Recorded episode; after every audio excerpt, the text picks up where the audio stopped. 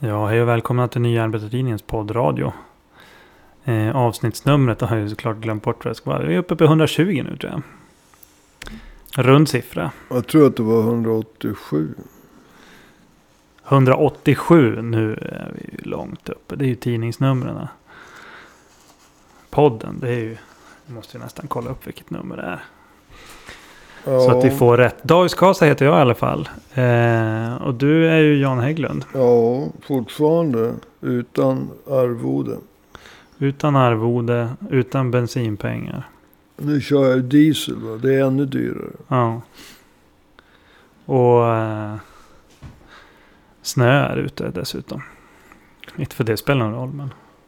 Ja, jag drar ju inte mindre diesel när det snöar. Nej precis.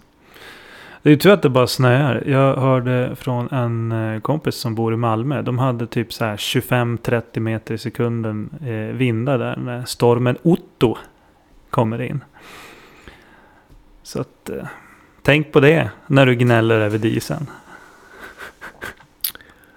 Ja, det ska jag göra. Ja, det är bra det. Det är avsnitt nummer 120. Med den här lilla filibustrandet så har jag ju hunnit kolla upp det. Eh, nej men det vi, vi ska prata om idag. Vi har ju, är ju nyss hemkomna. Lite smågroggy efter att ha varit ute i friska luften. Eh, vi har ju varit och organiserat en, eh, ett protestmöte här på Rådhustorget i Umeå. Eh, med rubriken Stoppa kryperiet för Erdogan och NATO. Stöd kurderna i Rojava, norra Syrien. Försvara yttrandefriheten i Sverige. Och eh, det var ju en, eh, en lyckad aktion måste man ju säga. Eh, en av huvudinslagen var att vi samlade in pengar till hjälporganisationen Kurdiska Röda Solen. Som är en sorts Röda Korset. Eh, fast för Kurdistan.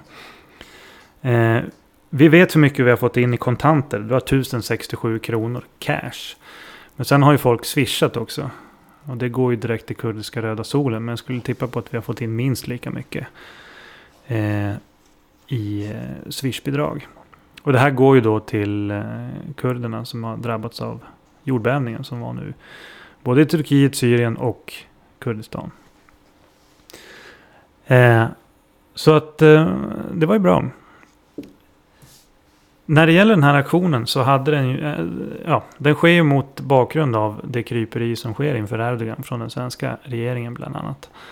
Och jag vet, Janne, att du har hittat ett dokument om hur man beskrev Erdogan en gång i tiden i Sverige. I officiella dokument, innan man kröp.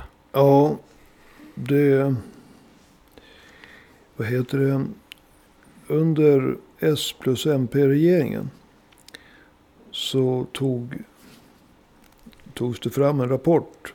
En rapport från regeringskansliet daterad den 15 maj 2021. Mm. Och i den står, eller beskrivs situationen i Turkiet under Erdogan. Bland annat på följande sätt. Jag tar några utdrag. De mänskliga rättigheterna, demokrati och rättsstatens principer urholkas fortlöpande. Lagar om terrorism liksom anklagelser om förtal av presidenten används för att tysta oliktänkande och regimkritiker. Regimen utför frihetsberövanden, hot och våld mot journalister, övervakning, regleringar och självcensur. Regimen utför inskränkningar av yttrande, press och informationsfriheten. Mm. Med mera, med mera. Så att det här är ju en väldigt, väldigt hård kritik mot Turkiet. Som på det grövsta ifrågasätter eh, innehållet. Alltså den, den, den, ifrågasätter demokratin. Mm. Men idag är det här glömt. Ja. Idag kryper regeringen och oppositionen, den förra regeringen, för Turkiets odemokratiska president Erdogan. Mm. Och yttrandefriheten inskränks. på grund av NATO-ansökan och kurderna offras på grund av NATO-ansökan. Den svenska ansökan att bli medlem i NATO går före nästan allt annat. Mm. Jag vet att vi har pratat om det här i tidigare poddar. Men du kan väl nämna vilka som går i spetsen för den här eh, kryperiet? Ja, bland de eh, så att säga officiella. Så är det ju statsminister Ulf Kristersson och utrikesminister Tobias Billström som mm. först ryckte åt sig stafettpinnen. Ja. Och det handlar ju om då den här dockan som eh, helt inom ramen för svensk yttrandefrihet hängdes upp i fötterna. En docka som var eh, en avbildning av president Erdogan. Mm. Och de som genomförde den här aktionen, de eh, var alltså sympatisörer med kurderna i Syrien. Det är nämligen så att sen i december i fjol så skjuter Turkiet, Turkiets militär under ledning av Erdogan granater och släpper bomber över kurderna. Alltså som har ett självstyre i norra delen av Syrien. Och Erdogan planerar också en markinvasion av kurdernas självstyre.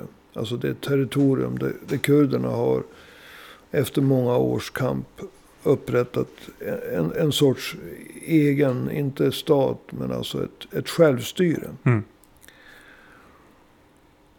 Och eh, det är därför det här blir så osmakligt. Kristersson, alltså det där är en docka som hängs i fötterna som en protest. Mm. Av människor, sympatisörer till dem som får granater och bomber i huvudet. Mm. Och dör och skadas. Och hotas av en fullskalig markinvasion. Men Kristersson har sagt att han förstår Turkiets Erdogans ilska. Statsministern har bland annat stämplat den här dockaktionen som ett sabotage mot den svenska NATO-ansökan. Som återkommer i allt. Även utrikesminister Tobias Billström har uttalat sin förståelse för Turkiet. Och han går dessutom längre. I ett skriftligt uttalande säger utrikesministern bland annat följande. Vi, jag vet inte om han menar hela Sverige eller regeringen eller sig själv. Vi ser otroligt allvarligt på det som har hänt. Detta är också ämnat som ett sabotage mot den svenska NATO-ansökan. Och sen. Aktionen spelar Ryssland i händerna och försvagar vårt land. Och eh, nu vet inte jag om det där just med Ryssland imponerar så mycket på Erdogan. Eftersom han planerar Eh, om han fick som han ville så skulle han genomföra den här markinvasionen. Alltså en fullskalig markinvasion av det kurdiska självstyret i Syrien. Tillsammans med Vladimir Putin, mm. president i Ryssland. Ja, han har ju väl skickat en begäran till Putin. Att ja. Putin ska ställa upp.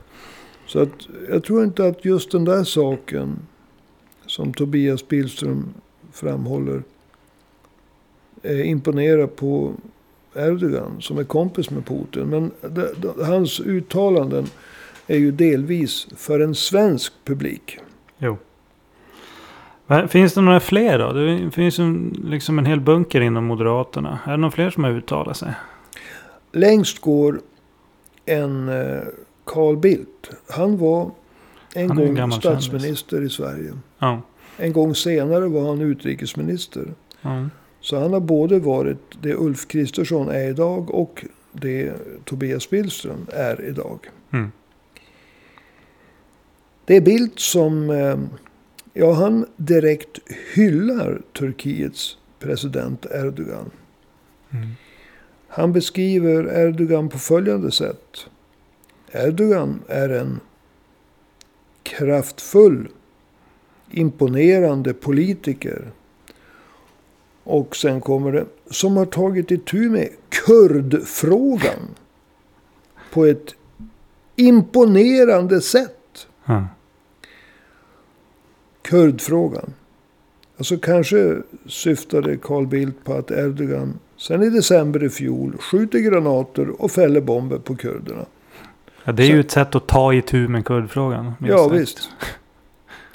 Eller han kanske syftar med på att eh, Erdogan som vi har sagt planerar och hoppas att kunna genomföra en regelrätt markinvasion av de kurddominerade delarna av Syrien. Med stöd från den ryske presidenten Vladimir Putin. För, jag vill repetera, Turkiets president Erdogan är idag en av få som gärna låter sig fotas tillsammans med Putin. Så att Carl Bildt. Han, han eh, vad heter det, deltar i den här hetsen.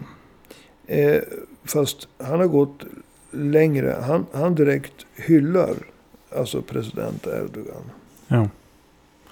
Visst har Bildt, han har uttalat sig även om eh, den här eh, dåren, Rasmus Paludan. Och hans eh, eldande av Koranen. Ja, alltså det, det, det här är ju en fascinerande i all sin tragik historia. Ja visst är det. För han, är ju som, han pratar nu. Men Carl Bildt har ju hållit käften. Paludan är ju liksom förra årets nyheter om man säger så. Ja, alltså hyckleri och inkonsekvens. Under hela år 2022, som var ett valår, Mm. så kunde Rasmus Paludan i enlighet med den grundlagsstadgade svenska yttrandefriheten åka runt och bränna koraner. Och det här ledde då bland annat till kravaller i sju svenska städer mellan den 14 april och 17 april. Det var Mm. påsk. Det var från skärtorsdag till påskdagen Mm. i sju svenska städer. Och i två av dem så var det två omgångar av kravaller. Det här ledde till bland annat 300 skadade poliser. Varav ett antal av dem fick lov att sjukskriva sig. Många skadade civila. Många utbrända fordon. Mm. Jag vet att i mitten på augusti hade Paludans härjningar kostat det svenska samhället 43,5 miljoner Mm. skrev man i tidningarna. Ja. Alltså under den tiden så hördes inte ett kritiskt ord mot att den svenska yttrandefriheten tillät Paludan att åka runt och bränna koraner. Ulf Kristersson yttrade sig inte. Tobias Billström yttrade sig inte. Eller Carl Bildt yttrade sig inte. Men i samma stund som Turkiets president Erdogan opponerar sig och eh, kom på att Sverige inte skulle få medlemskap i NATO. Mm. Då började angreppen. Och tydligast var Carl Bildt. Jo. Så att då NATO-ansökan på grund av Erdogan ställdes mot den svenska yttrandefriheten. Då offrade Bildt yttrandefriheten.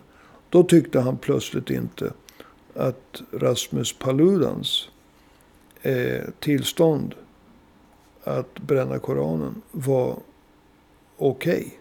Mm. Då var det plötsligt så att den svenska yttrandefriheten, den var ju, sträcktes ju inte hur långt som helst. Precis. Så man kan ställa sig frågan, var var Carl Bildt under hela 2022? Ja. ja, det var ju då Paludan var på tapeten. Ja, Nu är han ju liksom en föredetting. ja visst. Så att Eh, alltså Ulf Kristersson.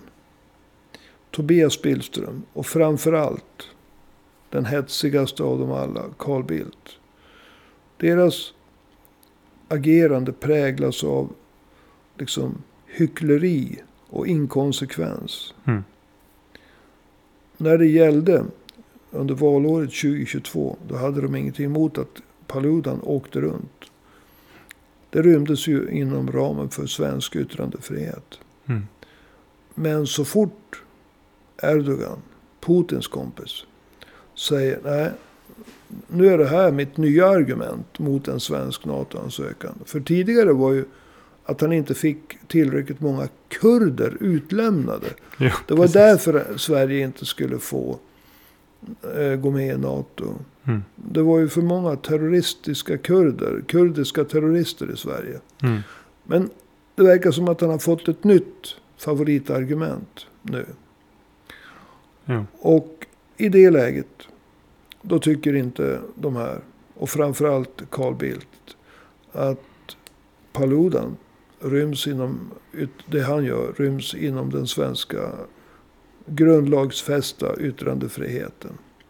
Alltså det hyckleriet är ofattbart. När yttrandefriheten ställs mot svensk NATO-ansökan, då offras yttrandefriheten. Och i spetsen för det går Carl Bildt. Du, eh, nu när koranbrännarfrågan kom upp här. Alltså, hur, hur ser du själv på den frågan? Alltså, Alltså på koranbränningen?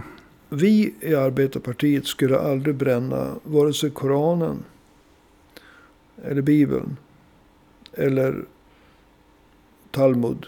Mm. Eller några heliga skrifter från buddhismen, hinduismen. Vi skulle inte förnedra någon livsåskådning eller religion. Och det beror på att vi strävar efter enighet i kampen för att försvara välfärdssamhället. Enighet i kampen för att försvara allas rätt till jobb.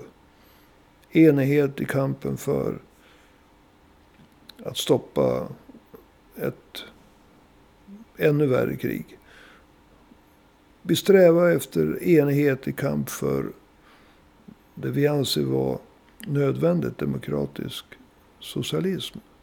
Och i alla de här frågorna så måste eh, knegare med muslimsk tro samarbeta med majoritetsbefolkningens knegare. Alltså varje aktion som innebär att man kränker en religion splittrar den enighet som vi strävar efter. Så vi skulle aldrig bränna Koranen exempelvis. Mm. Men det innebär inte att vi vill ändra yttrandefrihetsgrundlagen. Utan vi försvarar yttrandefriheten. När sådana som Carl Bildt på grund av Erdogan och NATO-ansökan helt plötsligt kommer på att den ska inskränkas. Och det är vår synpunkt, ståndpunkt. Yes. Vill man veta mer kan man väl gå in och läsa nya arbetartidningen.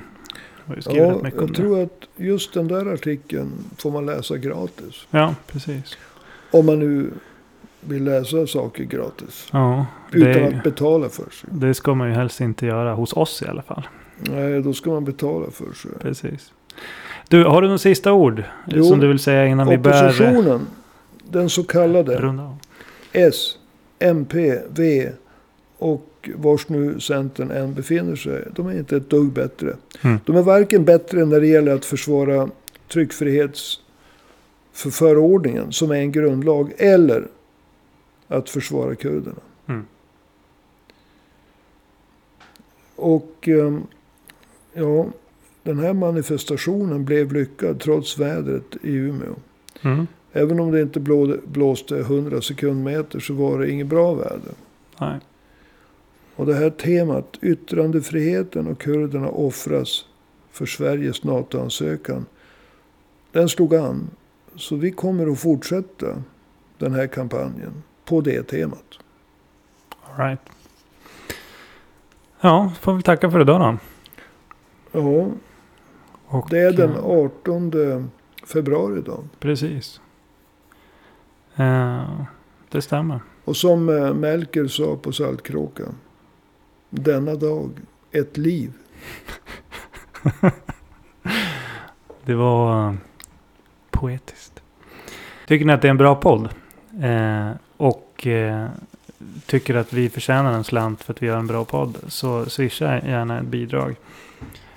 Numret är 123 504 7105. Alltså 123 504 7105. Och det går att swisha både små och stora bidrag. Men vi blir ju alltid gladare ju större bidragen är. Eh, och det börjar vara dags, jag tror i nästa avsnitt, då ska vi ta och se, läsa upp lite bidragsgivare. Eh, vi får inte glömma bort då, som det heter, give credit where credit is due. Eh, och med det så säger jag tack för idag. Och eh, vi hörs igen i nästa avsnitt. Hej då!